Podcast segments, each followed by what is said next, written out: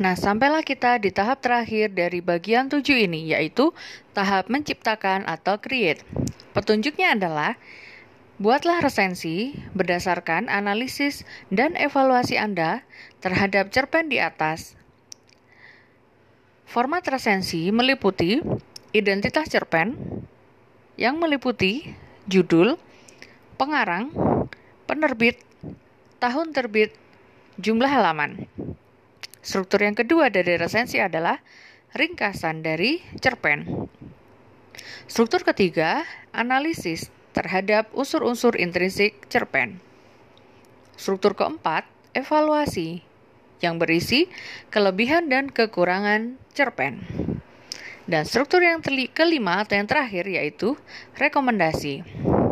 Submitlah tugas menulis resensi cerpen tersebut ke Google Classroom dengan kode 2PL JI MX dengan menggunakan huruf kecil semua.